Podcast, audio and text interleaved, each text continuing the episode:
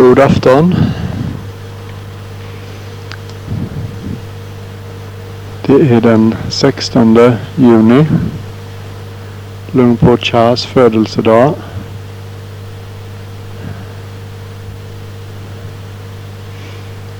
Det är mörkt här.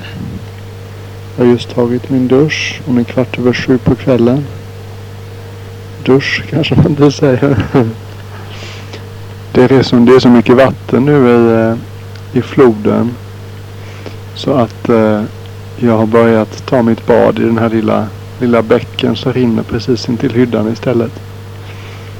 Eh, dels är jag rädd att halka och slå mig om jag går ner till stora badet. Och sen är det så strömt så att eh, ja, det är lite för mycket äventyr helt enkelt.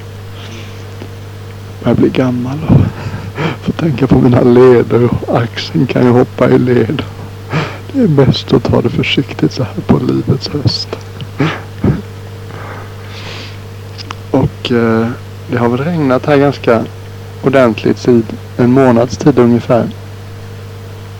Stället ändrar karaktär en del. Eh, när, det, när det regnar, så, det regnar varje dag kan man väl säga.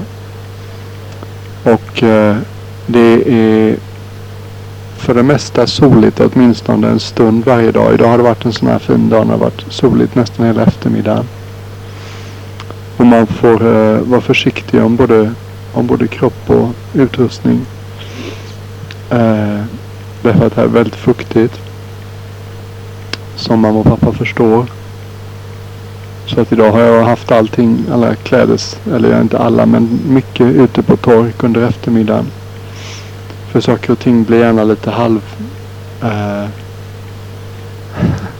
ofta så slår mig en lukt som påminner mig om vagnbordarna i Hovås Golfklubb. Eh, en sensommar, en regnig sensommar eftermiddag. Lite unket sådär. Och vissa saker kan mögla om man inte passar sig. Se på en del bokryggar hur de börjar ta en del stryk av vädret här. Sen har man inte världens mest ombonade och väder, väderskyddade väggar heller. Så att eh, det, även om regnet inte kommer in så driver det in fukt.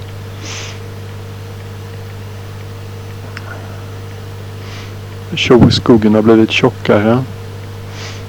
Eh, floden skulle nog mamma och pappa bli överraskade om ni såg nu. Det är ordentligt, ordentligt, ordentligt ös.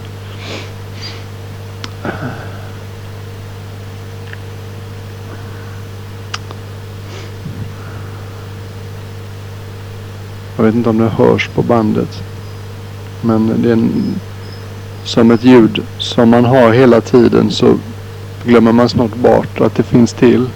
Precis som människor som bor nära havet på något sätt bara vänjer sig vid havets vågor även om det kan vara rätt högljutt. Om man slutar att notera det. Eller eh, liksom vara aktivt uppmärksam på det. Min hälsa är god. Jag har kanske gått upp något kilo eller två sen, sen bilderna som tog mamma så illa. Kan väl trösta mamma med att Adjunjaya Saro när han var här, han hade samma, han hade samma åsikt. Han höll med det helt och hållet. Jag var på tok för tunn. Det är ganska trevligt men han är själv väldigt, eh, han har en asketisk läggning och tycker om, tycker om det enkla den sista boken som har tryckts. Eh, det trycks ofta hans tal, Dhamma-föreläsningar. Ofta blir folk så inspirerade så att de eh, skriver ner hela talet, kopierar det från kassett och, eh, och vill trycka det. Han tillåter inte det i allmänhet. Men är det något speciellt så går han igenom det och gör en redigering själv och lägger till och fyller till och rättar ut. Och eh, tillåter sen då efter att han själv har redigerat det så tillåter han ibland att folk trycker det. Och sista gången det skedde det var eh, under förra regnperioden höll han bland annat ett tal om eh, vår tacksamhetsskuld till våra föräldrar. Och eh, det gick igenom den processen och har sedan blivit en av landets hit, hit, hittar inom damma, dammaboksområdet. Det finns en tradition i Thailand att man när någon närstående går bort så gör man en liten bok eller ett tjockt häfte där man beskriver den här personens liv, en kort biografi, bilder på personen med familj och vänner och arbete och hobbys och resor. Vad det nu kan vara. Och, eh, och huvud, huvuddelen av det här häftet är sen då ett dammatal eller två eller flera eh, av någon lärare som man tycker om. Och ett tal då som handlar om vår tacksamhetsskuld till våra föräldrar är ju en given storsäljare höll jag på att säga. Fast det här sker inte under, utan som försäljning utan som gåvor. Eh, så att eh, det har gjorts, tryckts upp om och om och om igen av olika människor i olika sammanhang. Men ursprungligen så var det en liten, ett häfte som delades ut Eh, vid vår Katina-ceremoni efter regnperiodens slut. Och det är en väldigt fin inledning på det talet. Han börjar med att berätta hur han i Pakistan bestämde sig. Han hade varit i Asien och rest landvägen, liftat från England över till Indien och spenderat ett drygt år i Indien tror jag. Mest eh, letandes efter ensliga grottor där han Eh, mediterade. Han någon slags dröm eller eh, säga. Det var det han ville göra redan som ung man. Första gången var han inte ens tonåring när han såg några indiska sadhus visa män och vandrare första gången på bild och tv. Och han visste med att det var det han ville göra. Han var väldigt ung när han eh, gav sig av första gången. Han var 17 år eller något.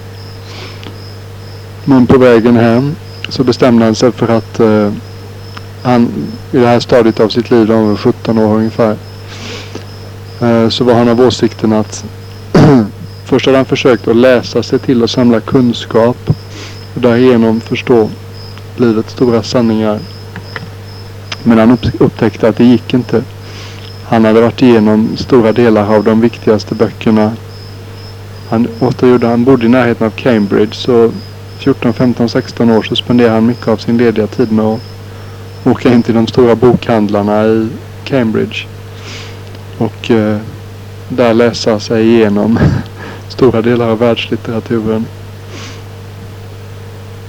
Han kan fortfarande idag ge underbara beskrivningar. Jag fick en krig och fred på krig och fred på 20 minuter fick jag en gång. Det var en, en av de mest underhållande återgivningarna av en bok jag har fått, fått, fått vara med om. Och jag gör ju mycket omvägar här. Tillbaks till tillbaks till huvud, huvudberättelsen. Hur som helst, han, berätt, han visade, det visade sig att genom att läsa till sig och samla kunskap så kan man inte nå de viktiga insikterna i livet. Och hans nästa ledstjärna blev att det är genom erfarenhet, genom att samla på sig så mycket och varierad erfarenhet som möjligt som man, eh, som man kan bli, bli vis. Och i eh, linje med den uppfattningen så bestämde han sig på sin hemresa från Indien att han skulle försöka klara sig utan pengar överhuvudtaget eh, hem till England. Och då hade han väl hunnit till Pakistan tror jag vid det tillfället. Och eh, fullständigt okomprom eller kompromisslös som han är så gav han bort vad lite, han hade nog inte så mycket pengar i vilket fall men han gav bort det han hade. Och eh, Ja, och levde sen ur hand i mun. Och eh, en sak som han berättade i det här talet, vid det här tillfället som handlade om vår tacksamhetsskuld till våra föräldrar. Var det just när han kom till Teheran. Han hade fått lift med någon lastbilschaufför och kom till Teheran. Och var jättesmutsig och jättemager och jättehungrig. Och han beskriver hur vid det här laget så var hans inre inte olikt. Det finns en viss helvetes, äh, helvetes eh, helvete. Ett speciellt helvete för folk med mycket girighet och själviskhet. Som kallas de hungriga spökenas sfär i buddhistisk kosmologi. Han sa att han kände sig som man skulle misstänka att hungriga spöken kände sig. De hungriga spökena de har stora magar och så långa snålsmala halsar. Så att de får aldrig nog. De äter och äter och är alltid hungriga. Ja, han sa att det är nog så som han kände sig. Det var nog inte olikt hur de kände sig. Uh, alltid hungrig. Så fort han träffar en människa så var hans första intresse. Är det möjligt så att den här människan skulle kunna tänkas erbjuda mig en måltid? Han ber inte om någonting heller utan det får liksom komma. Jaha, så i Teheran så var han på vandring. Eh, och det dök upp en kvinna som... Ja, nu, den här historien är alldeles för lång för att berätta egentligen på ett kassettband. Här skulle ju inte vad det skulle handla om idag. Och varför berättar jag det för det första? Jo, just det. Det berättar jag bara för att berätta om hur asketisk han är. Så nu kan jag återgå till, huvudberättelsen, till huvudberättelsen. Nu är mitt liv här. Eh, så det var roligt att höra från en så pass enkel, enkel levande person att, eller roligt, var intressant att han höll med mamma. Och sen så har jag varit på resa sista veckan. Och Teja Panjo, min kompis från Nya Zeeland, han sa samma sak. Men jag måste säga också att jag äter så mycket jag behöver och håller inte tillbaks i nämnvärd utsträckning. Eh, mer än vad grundläggande monastisk anständighet kräver. och eh, tycker att energinivån är, är bättre än den, eh, än den är när jag äter mer. Det har nog också att göra med att jag inte får så mycket eh, fys, fysträning här.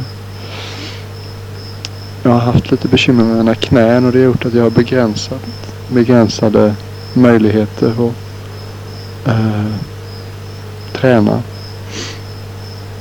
Som mamma och pappa noterade så är det ju svårt och sällsynt att ta ett, och ta ett jämnt steg här så att säga. Ett steg när man sätter ner foten på platt mark i samma höjd som foten bakom.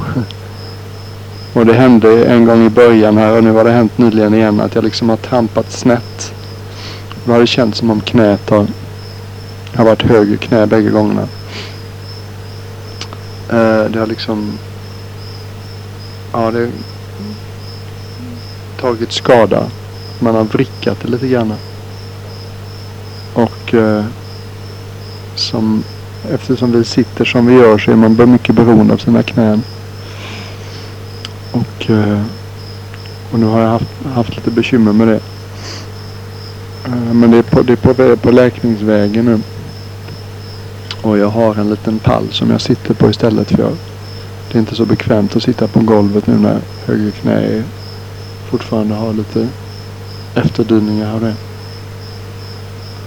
Men tack och lov så kan jag gå obehindrat vilket är min huvud, min huvudkroppsställning. Den jag trivs bäst i för att meditera. Nu ska vi höra om det här är en bra inspelning eller inte. Ja, hallå igen. Ja, det låter ju okej. Okay.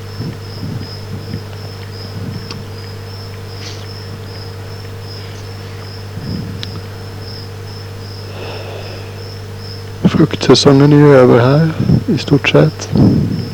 Rambutan är väl det enda som eh, det finns mycket kvar av någon månad till tror jag. Vilket har seglat upp från en frukt som jag inte var så intresserad av till en frukt som jag lärt mig att tycka mycket om. Jag har ätit mycket frukt. Det är väl också ett av skälen till att man inte har gått upp så mycket i vikt. Mindre socker som jag, mindre sötsaker som jag berättade för mamma på telefon.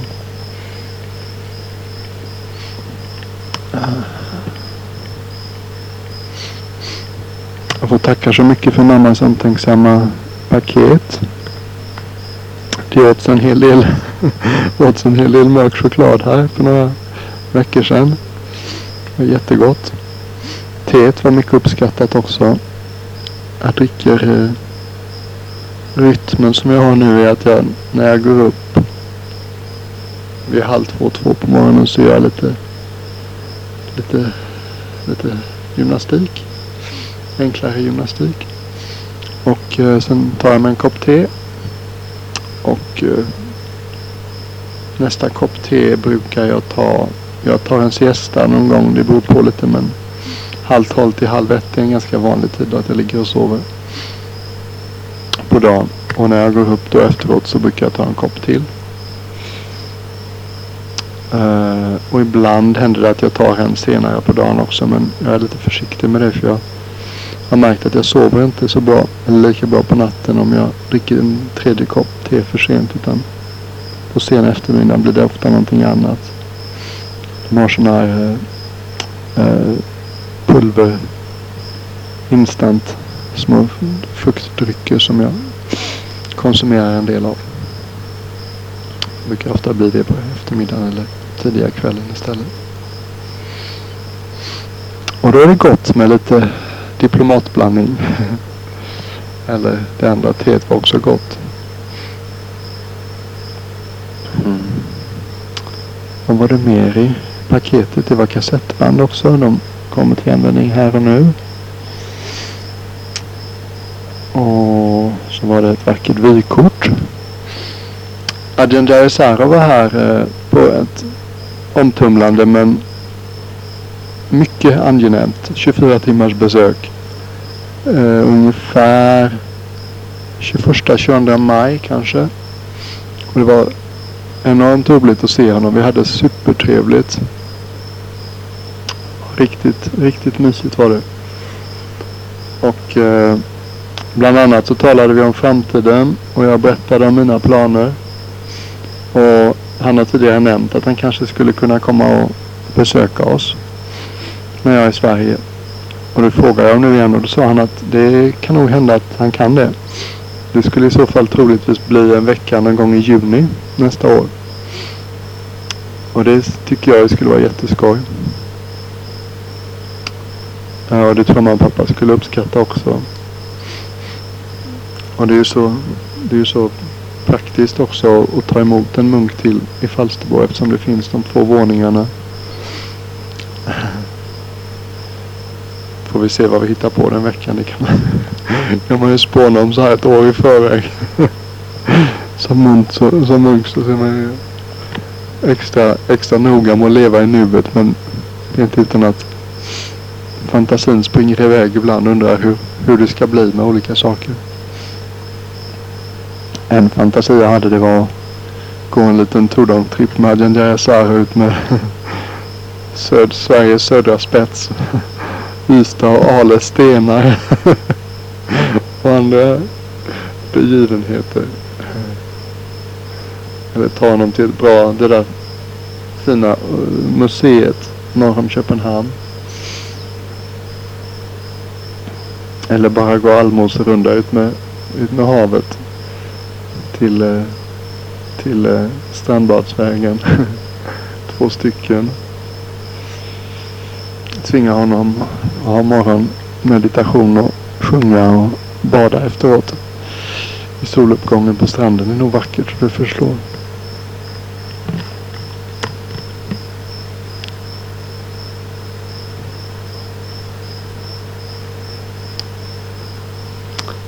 Vad annat? Jo, som sagt, jag kommer precis... Ja, jag har inte egentligen berättat. Jag har berättat för mamma och pappa lite grann om vad som har hänt sen. Ja, det blir som vanligt att jag... Om man ska berätta allting i ordning och reda så är det inte så roligt. Så att jag tar det lite som inspirationen faller. Jag kom i eh, förrgår tillbaka från en veckas semester om ni vill. Jag konsulterade Madden Jaisaro när han var här helt kort. Och då sa han att eh, han tyckte det var en utmärkt idé att åka till det klostret där Tejapanya är en vecka. Eller vi sa ingen tid, han sa ingen tid. Men han tyckte det var en bra idé att åka dit då. Eh, läraren, eh, abboten där är en mycket speciell munk. Och, eh, och träffa Tejapanya och, och vara del av en sanga igen och leva i ett kloster. Och eh, det ligger inte så långt från Pattaya. Egentligen så är en timme inåt landet från Pattaya. Eh, en liten skog eh, som är ut mitt ibland det är mest fruktodlingar där. Gummiträd mycket ananas och sockerrör en hel del. Och eh, tapioka en hel del.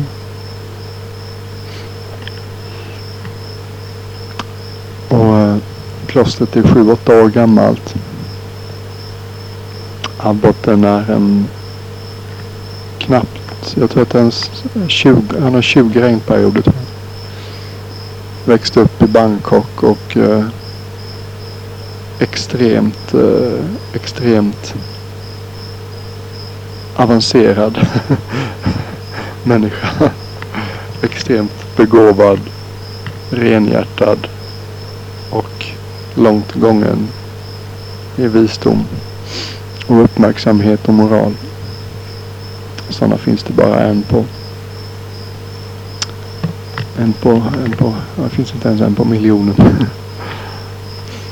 och eh, upptäckte på olika sätt ganska tidig ålder att, eh, att eh, han hade ovanliga talanger och eh, en väldigt sällsynt förmåga att förstå hur saker och ting hänger ihop och vad som är viktigt och vad som inte är viktigt här i livet. Och koordinerades vid 20 års ålder eh, i Wat Nong Papong av Ajahn tror jag. Och ganska tidigt, i sin, mycket tidigt egentligen första regnperioden i sin monastiska karriär, så gjorde han eh, många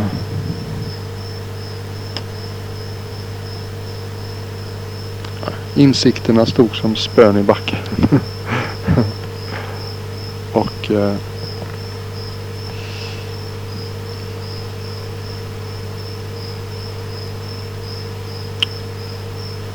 Det är svårt att tala om sånt här, speciellt med lekmän, därför att det uppmuntras inte att, att, att beskriva mer i detalj vilken sorts insikter och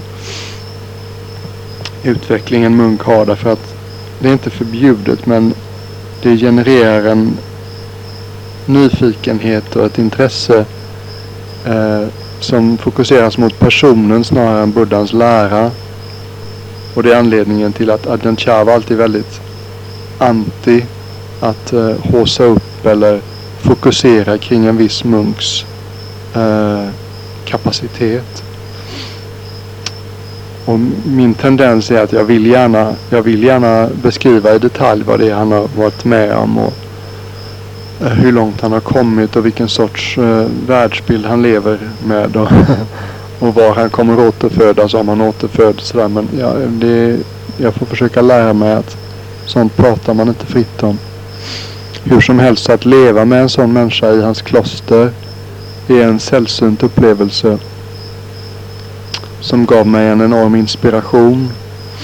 Han är, han är kvick. Mycket kvick. Han rör sig fort. Han eh, är väldigt observant och han talar fort och han har väldigt han har ett komplett grepp om situationen och nuet alltid. Och eh, ganska othailändsk i det att han är, han är ganska, vad ska man säga, han vill ha saker och ting exakt rätt. Hans kloster är som en eh, vad ska vi säga, det är oklanderligt. Allting är på rätt plats. Allting är genomtänkt. Allting är, graden av förfining är väldigt hög. Detaljerna, allting är putsat och genomtänkt. Välorganiserat. Och i och med att han är en, en vad ska vi säga, har den, ska vi säga,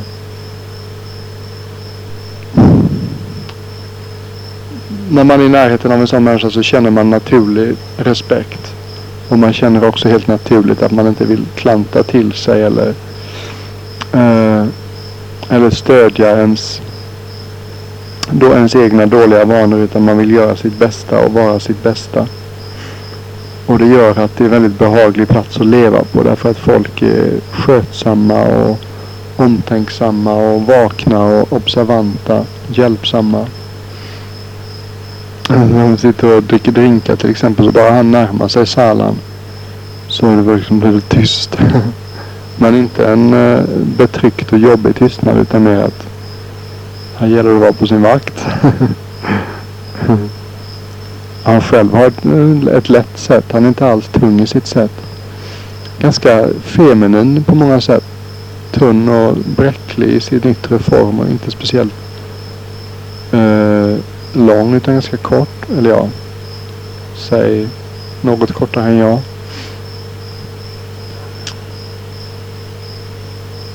skrattar nära till skrattet.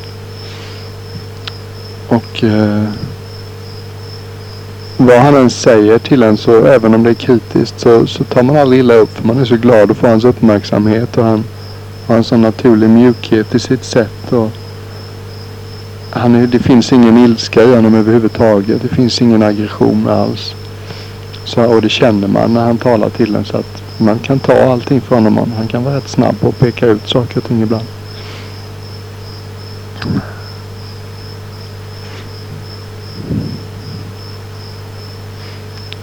Oklanderligt exempel i allting. Under sin första regnperiod så Katrina-ceremonin som försiggår då efter regnperioden. Då var det flera munkar. Då ges det tal hela natten i många kloster. Och han då hade redan själv eh, upplevt och smakat på damman eh, på flera sätt under sin första regnperiod. Och när han hörde munkarna som höll tal då i natten igenom var det en del av det de sa som han visste att de inte hade egen erfarenhet av. Och en del av det som de sa som han hade egen erfarenhet som han visste att det är inte riktigt rätt som de förklarade. Och då bestämde han sig. Det blir så, man, det är väldigt tydligt att folk som har då egna djupgående och transformerande erfarenheter, insikter eh, i sanningen i dammen i Buddhas lära.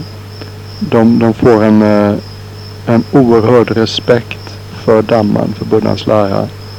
Och, eh, och hela deras attityd till damman blir eh, så att de vill aldrig på något sätt att den ska behandlas illa. Och när han hörde de här talen under natten som då i bitar han inte tyckte att eller som han av egen erfarenhet hade förstått att vissa saker som sades var inte självupplevda och därför något, kanske inte fel men illa förklarade. Så bestämde han sig för att han eh, skulle aldrig prata om någonting som han inte själv hade upplevt. Och det märker man när han lär sina munkar och sättet han talar om dammen att det, allt han säger det är sånt som han vet genom egen erfarenhet. Väldigt Väldigt imponerande. Allt hänger ihop och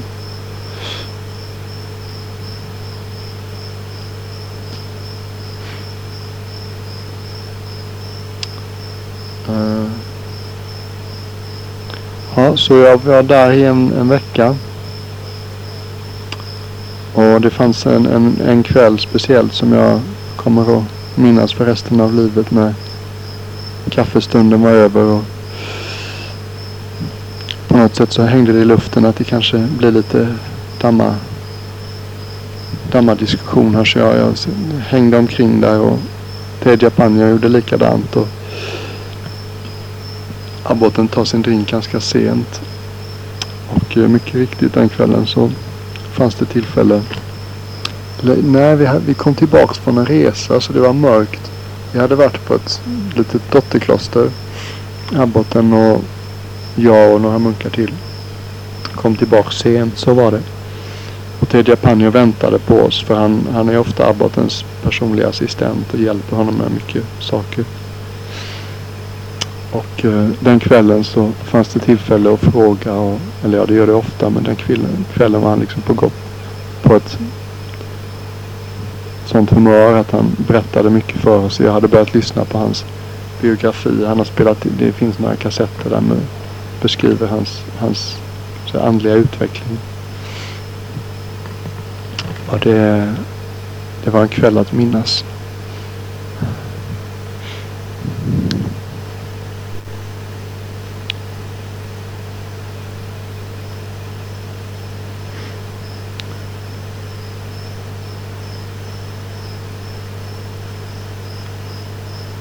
Nu är man tillbaks.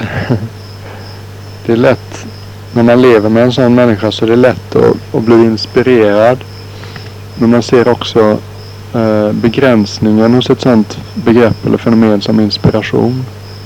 Det är någonting som kan lyfta upp en på kort sikt men på lång sikt så måste man eh, leva sitt, sitt sanningssökande eh, grundat i väldigt eh,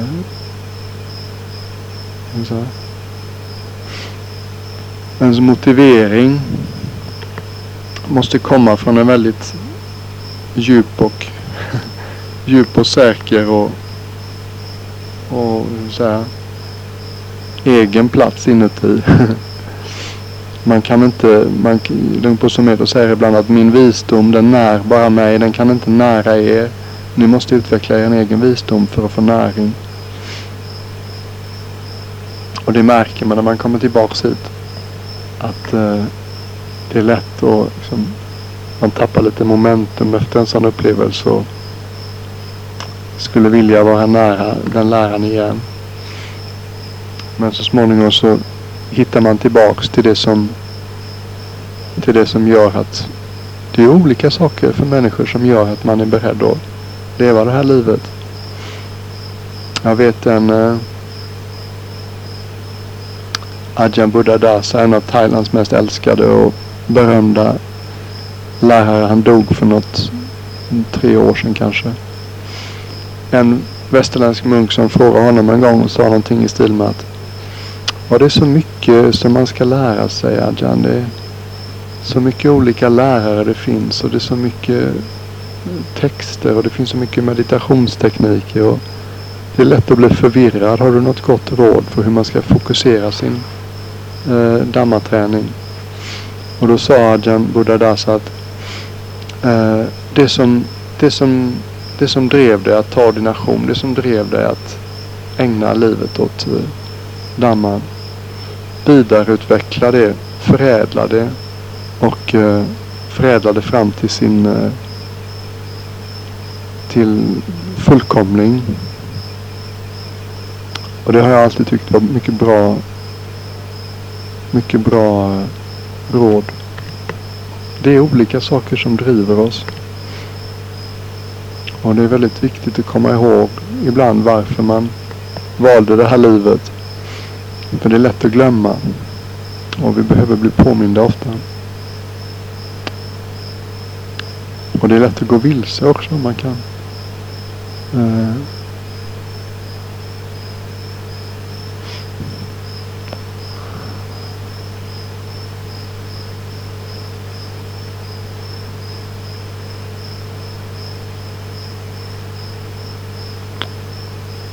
Det märker jag mer och mer att jag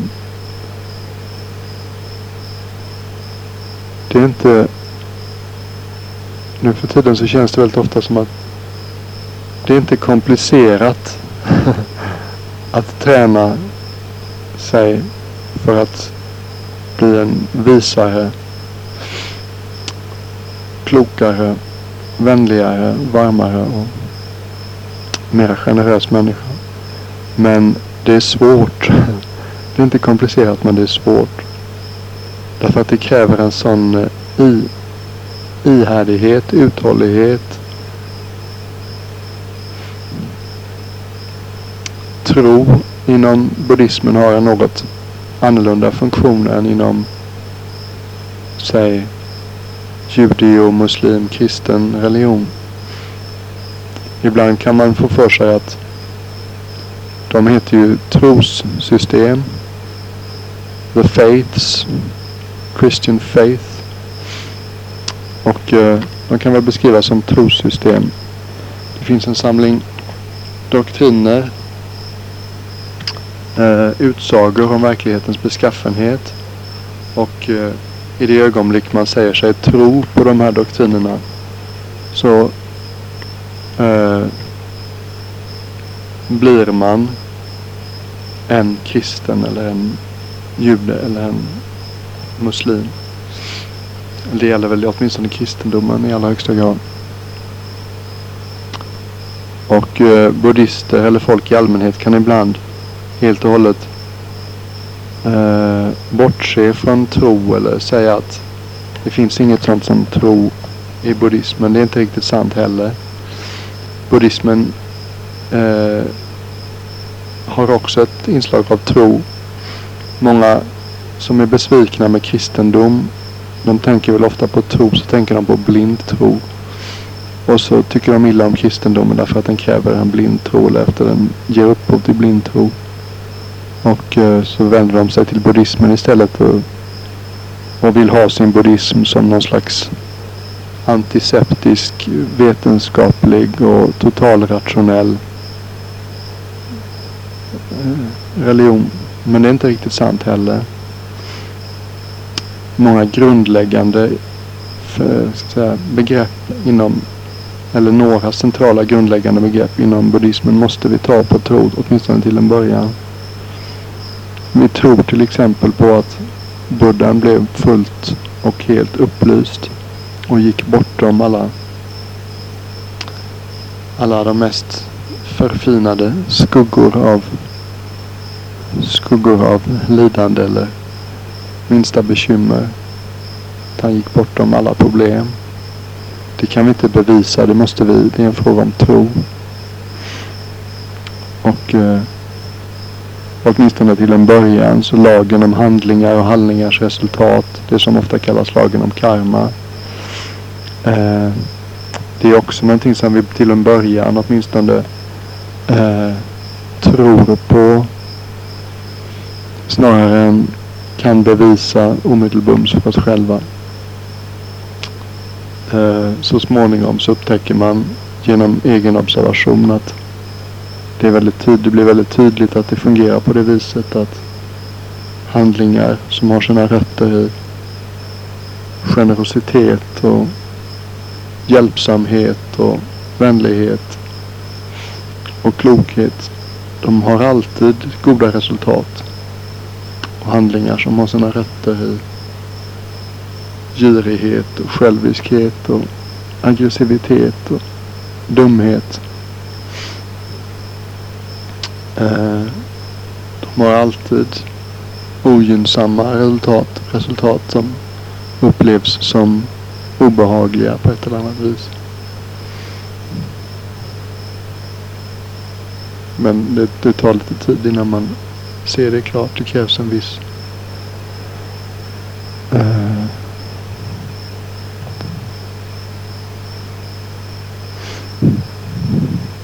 Ja, det krävs väl egentligen att man går igenom processen att först eh, ta det som en arbetshypotes och sen stilla sitt inre och reducera sin, ska vi säga, att man börjar göra aktiva, en aktiv ansträngning till att observera om huruvida det så är fallet eller inte. Fungerar lagen om karma på det viset som Buddha beskrev det eller inte? Och då ser man det så småningom.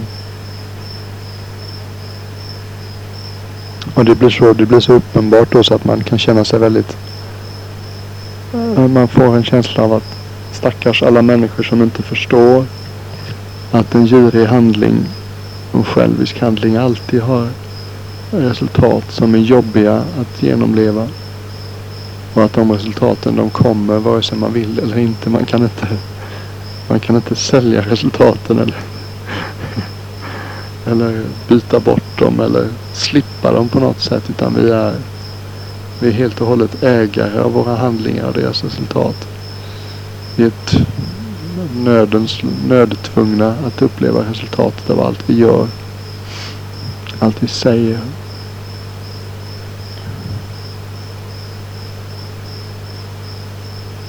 Och när man förstår det mer och mer tydligt så blir man eh, allt mera fullt och fast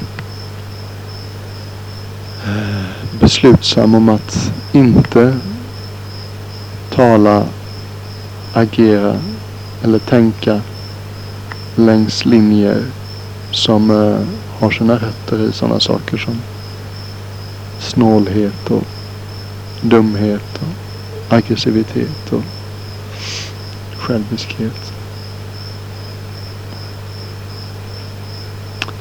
Det blir också tydligt att det, så att det finns ju då sidan ont och så finns det sidan gott.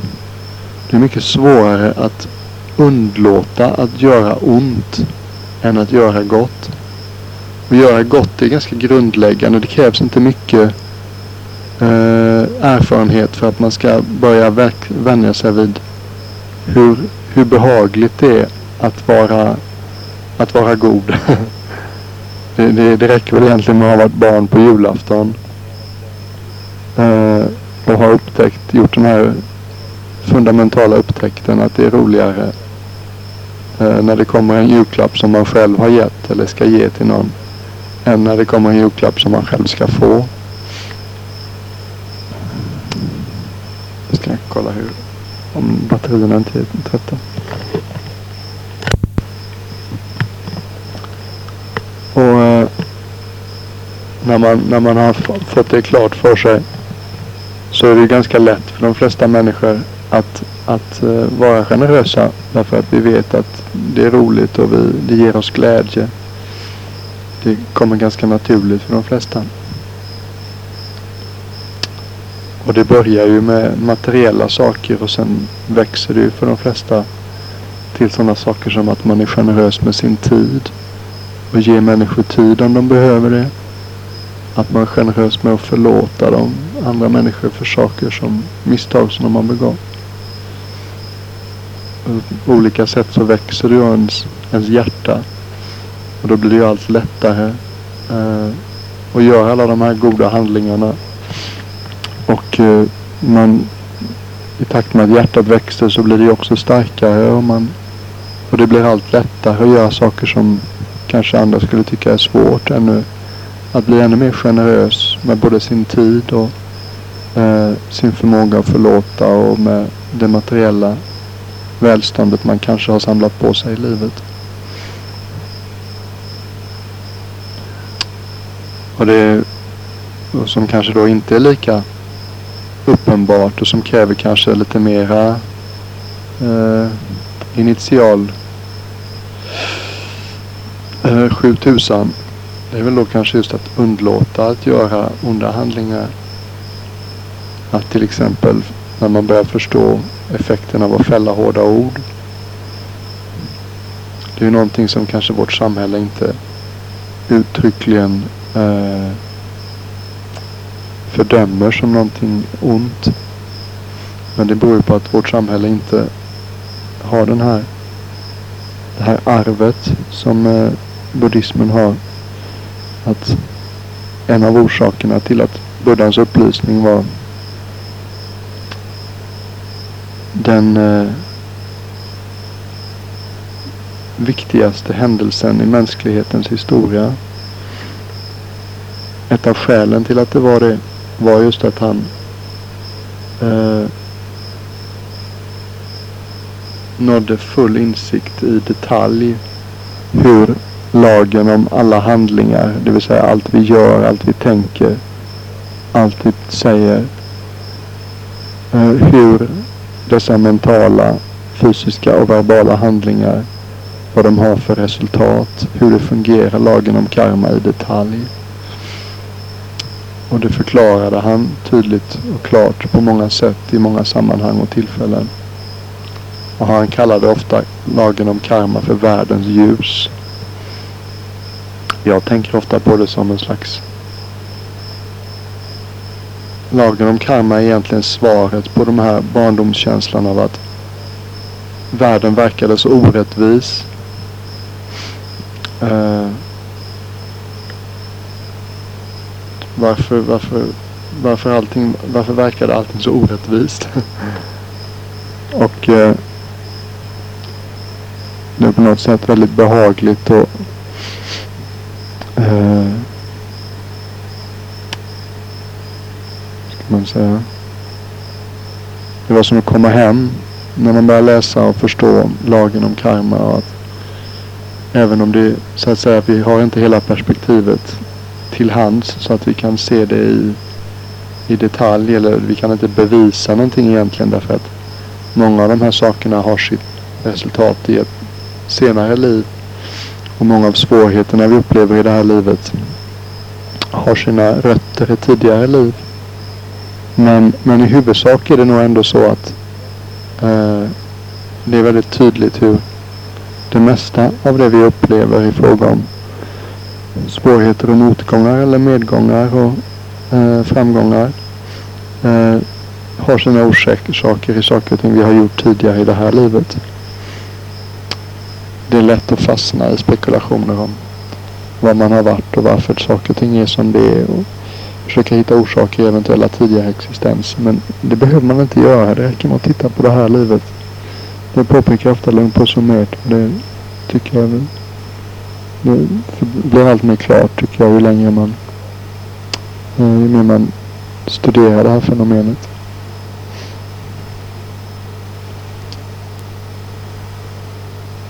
Och då växer ju också en tro då, kan vi kalla en slags tro på lagen om karma. Som gör att jag vet inte exakt kanske vad det har för effekter och hur och när resultaten faller av goda och dåliga handlingar. Men jag vet att de faller. och sådana saker som att fälla hårda ord när man när man börjar förstå att när man börjar studera sitt inre så börjar man upptäcka då att det finns egentligen inga personer